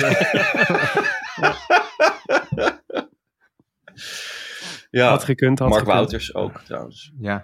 Nee, dus... ehm, Er zijn weinig marken op wie eh, Jon het wel heeft. Mark Ruddy, verschrikkelijk. Die is ook, die, die is ook steeds meer aan het schoppen. Hé hey, joh, Ja. mijn beste vriend heeft Mark. Oh, Oké, nou dat is Die in ieder geval weinig hoor. Helder. Ja. Maar ehm, het, werd, eh, het, werd een, eh, het werd dus eh, vervolgens naar verwachting een sprint. Dat Sagan die was een gekke move. Ehm, we zagen Gaviria nog iets raars doen. Zo. Althans, ik weet niet Nou. wie er iets raars heeft. Was dat nou Molano of Richese die daar de fout in ging? Ik dacht Molano, maar ik durf dat niet met 100% zekerheid te zeggen. Maar die ging Ja. van kop af en, eh, en, ehm, en keek om en wilde uitsturen. Alleen had even over het hoofd gezien dat Gaviria door het, eh, het kleine gaatje Zijn rechts kopman. van kwam. ja, zijn ploeg. Zijn kopman. Ja. Die hij eigenlijk eh, dus had moeten afzetten. ja, En eh, ja, ja, ik weet het niet. dit is, is wel, wel, heel droevig, toch? Wat zeg je? Dit is wel heel droevig, toch? Ja, het was ontzettend droevig. En ook Ja. heel ehm soort telling voor, eh, voor de fase waarin Gaviria is beland, volgens mij. Het is wel heel symbolisch voor hoe hij, eh, hoe hij eh, functioneert bij, bij, eh, bij zijn ploeg. Ja, ja het, ehm, hij wordt genoemd hè, in het... ehm, hij heeft natuurlijk aflopend contract, net zoals Richese. Ja, En hij wordt genoemd in het circuit om weer terug te komen bij de Koning Quickstep. ja Net zoals want, Viviani. ja, Want Sam wordt- Bennett gaat niet, niet verlengen. Ehm, die Bennett. Bennett wordt gelinkt aan Bora. Ja, vind ik ook opvallend. Zeker als je kijkt hoe die daar is weggegaan. Ja. En Akkerman wordt dan weer genoemd bij eh UA Emirates. Emirates. Dus eh, ja, zou- dat, de- wat betreft sprinters eh, zit er nog wel een, een mooie, je, mooie wilt Gaviri, aankomen. je wil Gaviria toch niet terug? Nou ja, dat, dat dacht je ook. eh, eh, eh, Viviani was ook heel matig toen hij naar Quickstep ging. En Cavendish wint ook in een en weer. Kijk, met Morkov voor je kan, je in, kan je van een middelmatige sprinter gewoon weer een topsprinter maken. Ja, maar ik het zou me niet verbazen als Bennett weg. Gaviria is ook toch echt nog in deze vorm en hoe die, hoe die daar al echt al twee of drie jaar bij fietst, echt nog geen schooltuin laten beheren eigenlijk. Ik vind hem echt, eh er gaat zo weinig van uit. Het is Ja. echt allemaal vergaande glorie. Alles aan hem eigenlijk. Want Nou, hij, Wat echt heel raar is, want hij is 26 of zo. ja, Ja, sommige mensen zijn vroeg oud, hè, Jonne? Je, eh, je maakt weer een eh, opmerking richting de Colombiaanse gemeenschap. ah, arme Quintana. Ja. maar even Ja. over Nee, maar dat was, eh, die, hoe Gaviria nog door dat gaat. Want je, hij zag dus gebeuren wat er, eh, wat, er eh, hoe, wat, die, wat die Molano verkeerd deed, dat hij verkeerd uitstuurde. En dan gaat hij toch nog door dat gaatje, waardoor hij zichzelf bijna torpedeert eigenlijk. Hij kan Ja. natuurlijk ook denken, ik lig al 15 meter achter tegen mensen die al drie jaar sneller zijn dan ik. Weet je wel, ik rem gewoon een keer. Maar nee, hij Ja. probeert zich er nog doorheen te wurmen om te kijken of hij een dwarslesie kan eh, eh, forceren bij zichzelf. Ja. Heel vreemd. Ja, dat had, hij had super mazzel dat, die, eh, dat, eh, De boarding goed was. dat het de hekken van de Giro d'Italia zijn en niet die van de Ronde van Polen. Want dan had, Ja. hij, dan was het iets anders afgelopen, denk ik. Dan eh, was, die, was hij die pratende kut eh, in zijn gezicht kwijt. Dat ringbaardje, het ziet er niet uit. ja. ja, nou ja, wat, eh, wat Beetje- Frank zegt. We zouden hem nog geen schooltuin laten winnen. Ja, in zijn gezicht is het nog steeds Benitez is 1996 gewoon. Ja. is hij nog succesvol. Ja, nee, Ja. dat was. En het was natuurlijk eh, gek waar eh, mijn. eh, ik, dacht- ik dacht van, als iemand het zou moeten kunnen vandaag, dan is het. eh, dan is Caleb Ewan misschien wel. Ja. Dat is toch, eh, die had misschien nog wel de beste sprinttrein eigenlijk. Waar maar was eh, die, was, eh, die was nergens. Rare Ja. sprinter. Maar die zei in, het, Altijd. zei in een interview volgens mij dat hij, dat hij een beetje verrast was hoe, het, eh, hoe de aankomst liep of zo. Ja. Terwijl het echt een helemaal niet een moeilijke of eh, ge- gekke aankomst was. Nee, maar misschien was hij daardoor verrast. Dat kan natuurlijk. dat, hij, dat hij dacht van, ah, er zitten nog een paar loopings in. Daar pak ik ze. Nee, Ga zo ja. in die boom maar- staan. Maar het, ik, heb, ik vind bij Ewan is het eigenlijk altijd alles of niks. Ehm, of hij wordt eh, veertiende of hij wordt eerste. Ja. Dat heb ik altijd een beetje. Eh, dus, en dan als hij eerste wordt, dan, dan kan hij al die gaatjes door en gaat hij van links naar rechts en sluipt door, kruipt door. Maar, en daar wordt hij dan ook om geroemd. Maar dat mislukt ook gewoon best wel vaak. Ja. Want laten we Ja. wel wezen, hij is van de jongens hier volgens mij de beste sprinter. Eh Groenewegen natuurlijk, omdat hij lang niet heeft gekoerst. Die zit ik, zeg ik qua snelheid, is ongeveer eh, ja, even goed Vergelijkbaar. vergelijkbaar. Ehm, maar Ewan, ja, je kan, je, je kan dat, dat, dat, dat eh kruip door, sluip door, je kan het zien als een kwaliteit, maar je kan het ook als een zwakte zien van ja, ehm, misschien zat je eigenlijk gewoon heel lang niet goed geplaatst. En red je je, je, je, eh, je vegenlijf door, door in allerlei hoekjes en gaatjes te kruipen die er al dan niet zijn. Ja. Of is Het lijkt me in ieder geval niet goed voor je zelfvertrouwen om zo aan de Giro te beginnen. Zoveel kansen zijn er ook niet, hè? Voor, eh, voor echte sprints. Ja, is toch wel vijf. Ja, het is niet zoveel, nee. Nee, klopt. En als je, achter David, in ieder geval. als je achter David Chimola eindigt, dan ja. En achter Lawrence Nase. Dat, ja, vind ik leuk. Ja, Ja. vond ik ook leuk. Ja. Het ging er nog over bij Ieder Schelling. Skaterboy, hè? Ook. Ja, ja, zeker. Ja. Leuk. Nee, maar eh Merlier won dus voor Nizzolo. Viviani eh, derde. Groenewegen keurig vierde. Hij eh, had het eigenlijk, volgens mij, je zag hem al vrij snel toen hij zag dat hij niet kon winnen, ging hij zitten. En toen ging Ja. hij toch nog even sprinten om, om de vierde plaats derde plek, Ja. zeker te halen. Ja. Eh, Viviani was er nog net voor, maar op snelheid, ja, nou, Merlier echt eh, impressive zeg. Mijn ja. hemel. Ja, Wat een power. Ja, het grappige is, dit zat er natuurlijk al volgens velen al wel lange tijd in. Maar hij maakt hier volgens mij pas zijn debuut in een grote ronde, toch? Als ik me niet vergis. Dus ja, dan is het altijd maar een beetje afwachten van eh, hoe gaat hij het dan doen in een grote ronde tegen de echte absolute top. Qua snelheid had ik altijd het idee dat het wel goed zat, maar hij had ook wel vaak pech. Of, of ja, dat, dat een ketting eraf liep, of, of dat hij net niet gepositioneerd zat of zo, weet je wel. Dus ja, heel vet dat hij hem gewoon pakt. Best wel een clean Ja. eh, sprinter ook volgens mij. Hè? Echt Ja. Gewoon eh grijpelachtig eh, rechtdoor. Ja. Ja. Ja, gewoon Ja, en, geen, En alle tijd om nog een, een eerbetoon te doen aan Wouter Weiland. Hè. Vandaag precies tien jaar geleden gestorven in de Giro. Ja, mooi. Mooi dat hij dat En deed. ook de laatste, eh, volgens mij massassprintzege, zei, zeiden ze bij Eurosport, eh, een Belgische massassprintzege in de Giro. Dat was ook Weiland in Middelburg toen. Oh, echt? Ja. Oh, Ja. ja. Oh, dat stond is een heel mooi, eh, er stond een heel mooi stuk eh, van eh, Elke Weiland, eh, de zus van Wouter, op eh, de website van Trek Segafredo. Met een, eh, een, een portret van, eh, van, eh, van, zijn, eh, van de, de, de destijds de vriendin van, eh, van Wouter Weiland. En die destijds zwanger was, of geloof ik 2,5 maand zwanger van, van hun dochter. En het was heel, ik vond het en heel mooi om te, om te lezen over haar leven sindsdien. Het is natuurlijk super verdrietig en heel, heel raar. Dat, het is natuurlijk altijd als iemand zo jong sterft, die dan altijd zo op alle foto's zo jong blijft. Terwijl alle andere mensen die op dat moment in zijn leven waren, eh, langzaam ouder worden. En dat was nog wel het meest opvallend natuurlijk.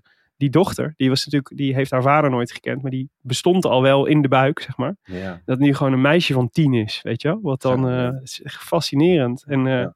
dat is heel mooi, eh, ik, nou ja, het, ik vond het een heel mooi eerbetoon van Trek Segafredo. Dus ik zal hem even in de show notes zetten. ja, leuk. Mooi. Mooi. Ja, mooie, mooie overwinning van eh Melier. Ja, en lekker voor Alpecin Phoenix zeg. Ja, Wat een ploeg. Wat, wat, een- wat een. Wat, wat, wat, dit, is- dit, was dus, dit is letterlijk hun tweede eh, rit in een grote ronde. Hè?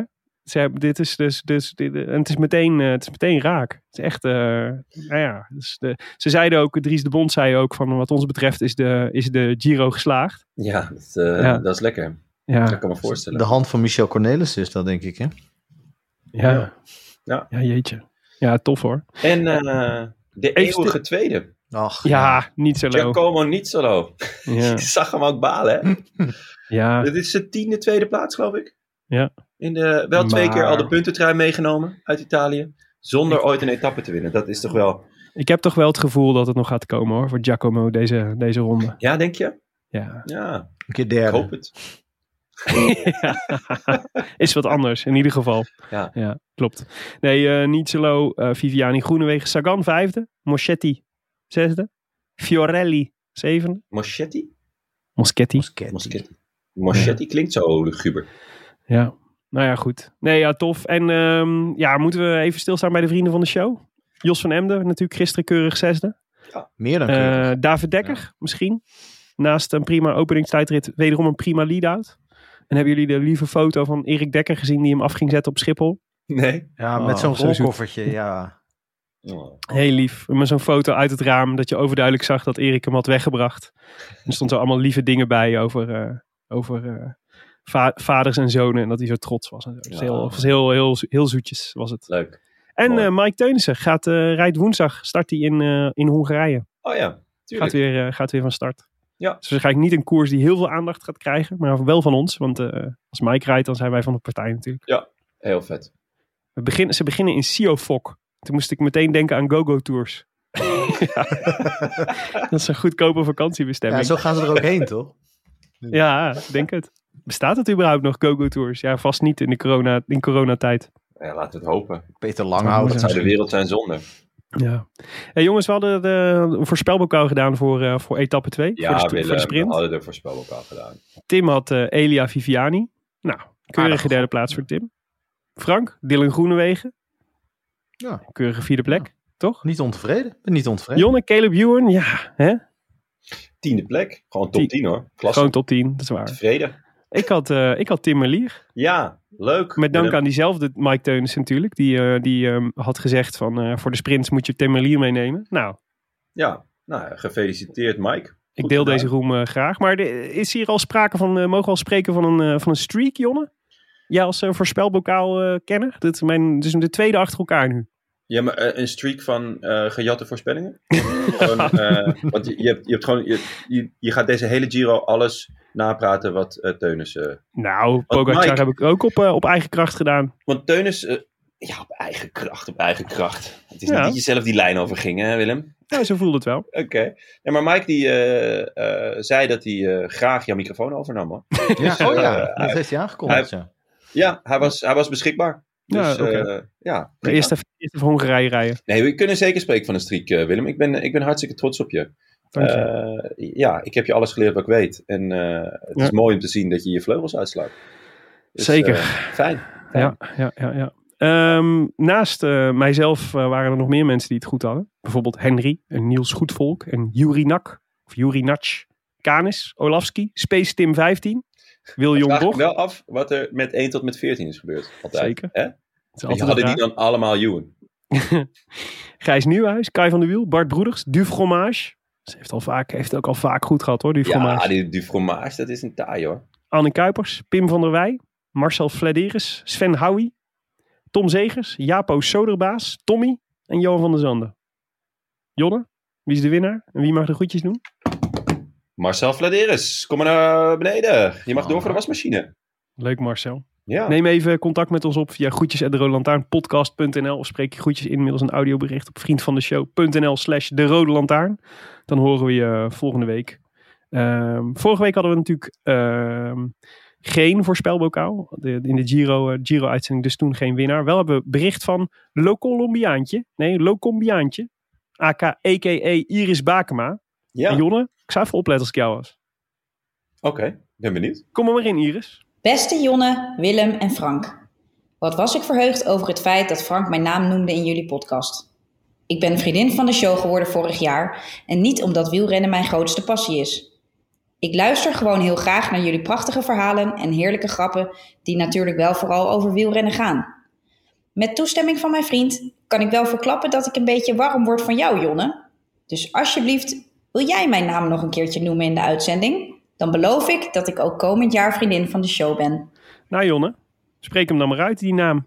Nou, Iris Bakema, wat ontzettend eh vlijend. Ik ben... eh, Dit ja, kan zwoelen, Jonne. Je hebt, je hebt zo'n diepe bas en dan ga je hier een beetje zo'n sopraantje op zetten.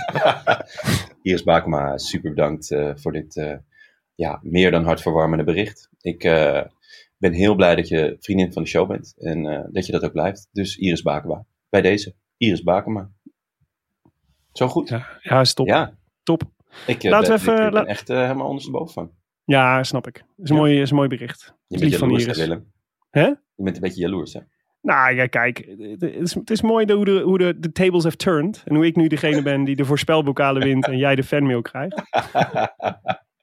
en Frank dan? Frank zit er echt Ja, bij. ja, die zit er maar een beetje Joker. bij, toch? Ja. Ja, Ja, ik, ik, eh, want, want ik was blijkbaar degene die, die, eh, die, het, die het niet goed deed. Die, die niet, ja, ik wil nog wel een poging wagen, Iris, maar ik geloof niet dat, ik, dat je daar echt een plezier mee doet. Dus ik, laten we het hier maar behouden.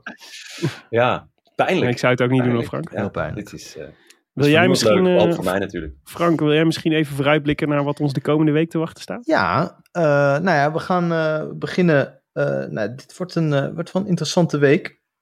Zoals alle weken in de Giro interessant zijn. Maar de derde rit eh, maandag, die, die, dat is een, van 190 kilometertjes. Dus dat valt mee naar Canale. En eh, dat is wat meer heuvelachtig. Maar ja, in de, in de slotfase, de tweede helft van de, van de rit. Maar dat zal nog niet voor hele grote verschillen gaan zorgen, vermoedelijk. Dinsdag eh, gaan we 187 kilometer, dus ook niet heel erg lang. eh, van Piacenza naar Sestola. En dat wordt wel heel interessant, of dat zou het kunnen zijn. Want dan gaat het eigenlijk voortdurend op en neer. de, de hele, ja, de laatste 100 kilometer eigenlijk.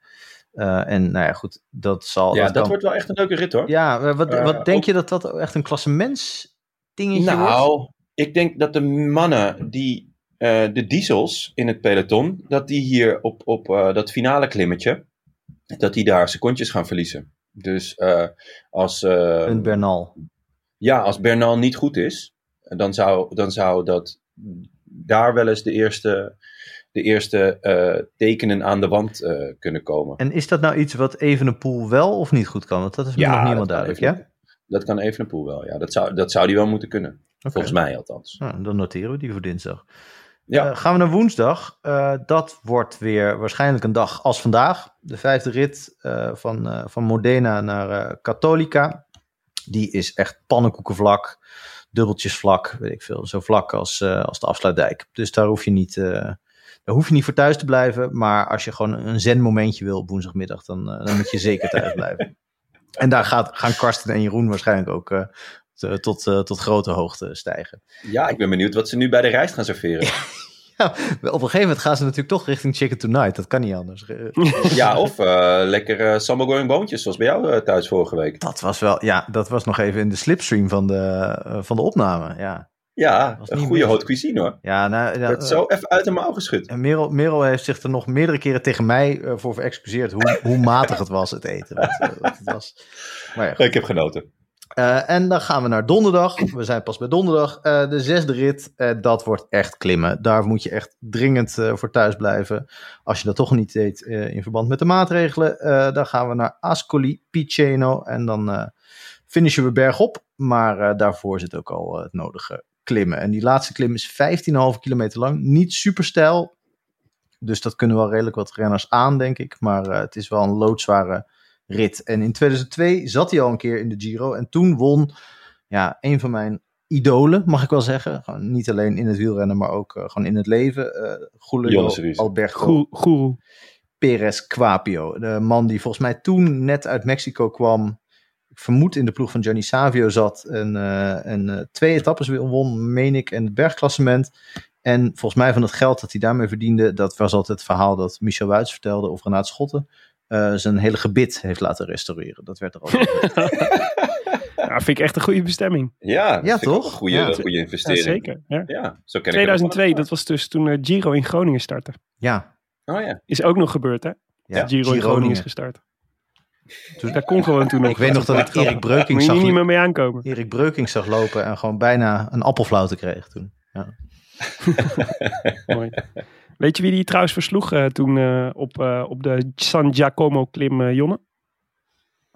Oeh. Ehm, nee, geen idee. Pedel Evans. Ja. Toen al. Ja, Dat was, ik denk dat hij toen net eh, zo van de mountainbike eh, op, op de racefiets was gestapt, eh, pedel. Ja. Ja. Lekker. En Dario Frigo, wat ik ook leuk vond. Oh ja. Ik altijd aan een koelkast Met zijn denken. koelkast vol EPO, ja. Frigo, hè, de naam zei het al. Ja. Goed, Leuk. jongens, wie, eh, wie, eh, want die donderdagrit gaan we dus ook voorspellen. Ja. Perez Guapio is al een tijdje gestopt, eh, Frank, dus die kun je niet noemen. Ja, Maar Ja, ehm, wel, wie, wint, wie wint hem wel? ik denk eh Vlasov. Ik vond die tijdrit eh, dermate indrukwekkend dat ik, eh, dat ik die toch wel Ja, hoog, eh, die was goed, hoog hè? aansla. Ja, Snap dat, ik, snap ik. Dat belooft wat. Jonne? Ik ga voor Almeida. Ja. Op, eh, op rancune, op haat, op eh, ja, gewoon Ja. alles, alles is maar gewoon eh, is olie op het vuur. Ik denk eh, die, die gaat de trappers gezelen. En diezelfde Oh, avond valt valt hij van de trap. In het hotel. Mysterieus. Onder mysterieuze omstandigheden. Oeps, een dwarslesie. Kan gebeuren is- natuurlijk, hè? Ja, en bovendien eh, valt dat in het niets bij de verschrikkingen die in Auschwitz zijn gebeurd. hè? Wat, eigenlijk is inderdaad, inderdaad wat er ook gebeurt met Almeida tijdens deze Giro. Ja, Het is nooit zo erg als wat, of dat Joris Matthijssen misschien zijn carrière moet beëindigen.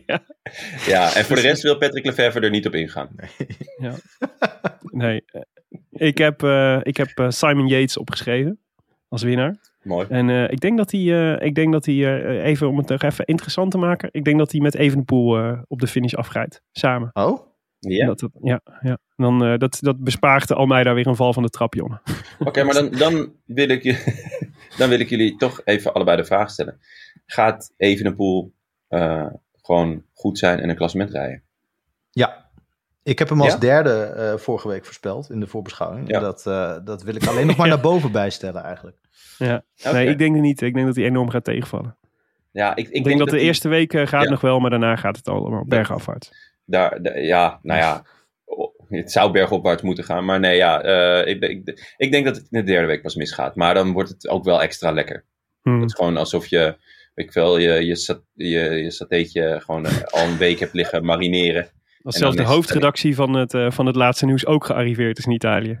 ja, en dat die dan echt iets. De krant inmiddels op is. roze papier wordt gedrukt. Ja, ja, ja. Ja, ja. dat zou wel leuk zijn. Het zou echt lekker zou zijn. zeker leuk zijn. Goed. Als je mee wil doen aan de voorspelbokaal, dan kan dat via vriendvandeshow.nl slash de rode lantaarn. En de winnaar krijgt ook deze Giro weer eeuwigdurend opscheprecht. Maar ook de kans om één iemand, één iemand, nogmaals, één iemand, de groetjes te doen in de show.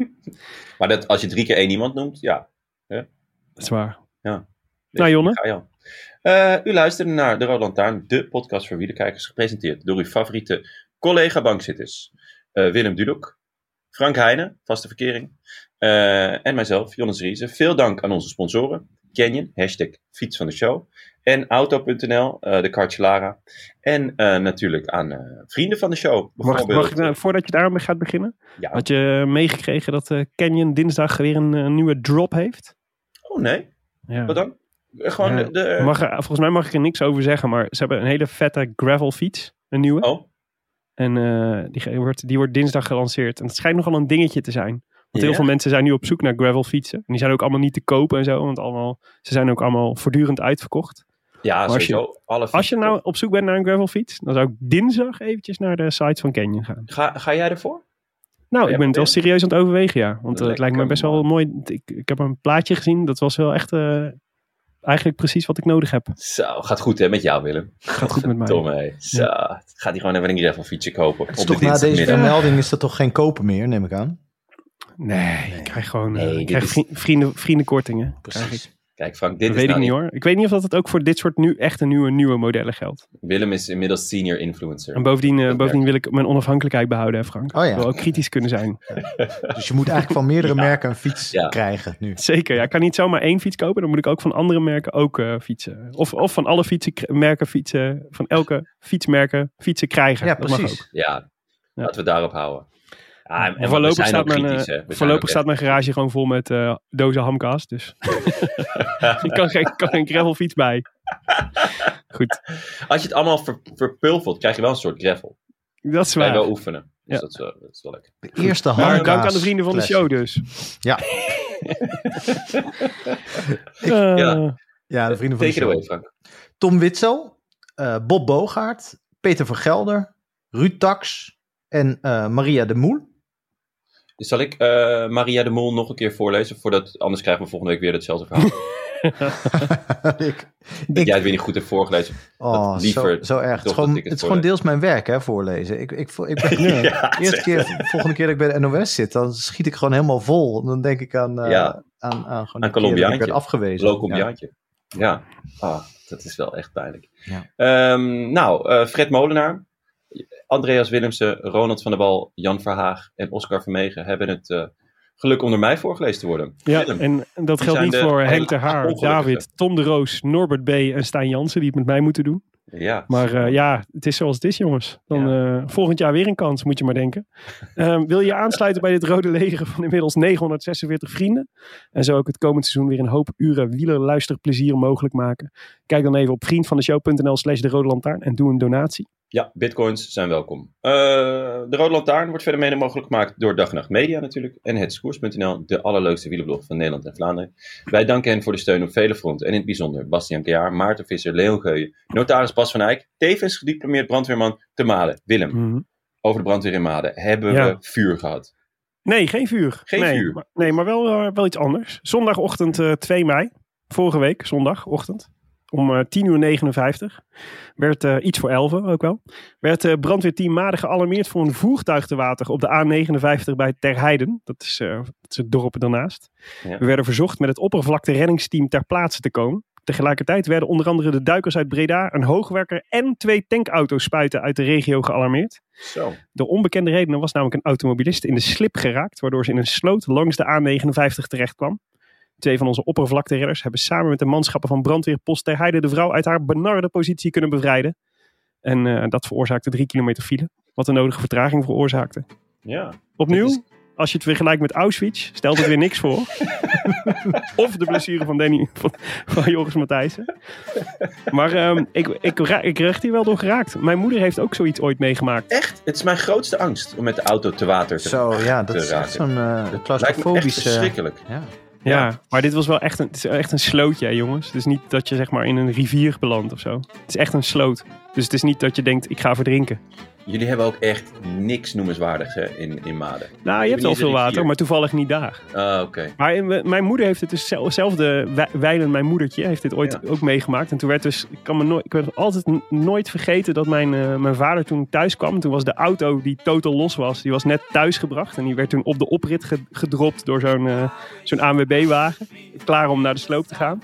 Toen het beteuterde gezicht van mijn vader die thuis kwam en die auto zag, die onder het kroos zat. En die vervolgens, als soort, alsof het een soort tekenfilm was, het portier opentrok. Waar dan vervolgens nog zo'n hele, hele zut slootwater uitkwam. Drie snoeken. Dat ben ik nooit, ben ik nooit vier snoeken inderdaad. Die ben ik nooit vergeten. Was, eh, dus daar moest ik weer aan denken. Ja, mooi. Dus ik hoop dat eh, de, de, de echtgenoot of echtgenote van deze automobilist eenzelfde soort ervaring heeft gehad. Want dan kun je er twintig jaar later nog steeds heel erg om lachen. En, en voor jullie is het begrip oppervlakteredders gewoon eh, eh, dagelijkse kost. Ja, als je de brandweer in Maden kent, dan eh, Ja. daar zijn vrij veel oppervlakteredders. Oké, dus dat gaat niet Ja. veel de hoogte in gewoon. of is het meer, hoogvliegers. zijn het in redders Maden. met wie je dan een gesprek voert dat je denkt, het gaat niet echt de diepte in. Nee, Ja. nee ja, precies. Oppervlakkige redders zijn het. Ja, Ja. We hadden ook nog een, eh, een, eh, een waarschuwing gekregen. Vorige keer hadden we het natuurlijk over de brand die geblust was eh, in, de, in de meterkast doordat de waterleiding gesprongen was. Wat eh, natuurlijk een fascinerende, fascinerende samenloop van omstandigheden was. Daar wilde, wilde eh, Satissa wilde daar iets over toevoegen. Die zei ja, ook nog even over die meterkastbrand in Maden. Hoewel het natuurlijk een zeer goed verhaal was over de, de, de brand die zichzelf bluste door de gesmolten leiding. Wilde ik toch even melden uit veiligheidsoogpunt dat je een elektriciteitsbrand nooit mag blussen met water. Water geleidt namelijk stroom en kan dus voor zeer gevaarlijke situaties zorgen. Dus laat je niet eh, op ideeën brengen. Maar ja, dat, ik, Niet in een sloot rijden, geen brandblus, elektriciteitsbrand blussen met water. het is natuurlijk echt Ja, een uitstekende tip, maar aan een waterleiding is het natuurlijk een, een tip van niks. Om te zeggen tegen een waterleiding van, hou je in. Ja, die kan niks anders doen dan springen op zo'n moment. Nee, nee, hij moet wel. Klopt. Nee, maar als je dit vergelijkt met Auschwitz, dan, Is het ook. Dan precies, Ja. dan valt ook dit wel weer dan mee. valt ook Ja. dit Valt zelfs maden mee.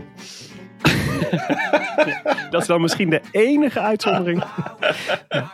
Goed, wil je reageren op deze Rode Lantaarn? Dat kan via vele wegen. We zijn vooral actief op Twitter en de Gram. Hé Jonne? Kun je Ja, het één keer zeggen? Want dat vind ik dan weer leuk als jij dat zegt. Twitter en de Gram? Maar je mag ook mailen naar groetjes.roodlantaarnpodcast.nl. Wij zijn er dan aankomende donderdag weer. Donderdag weer.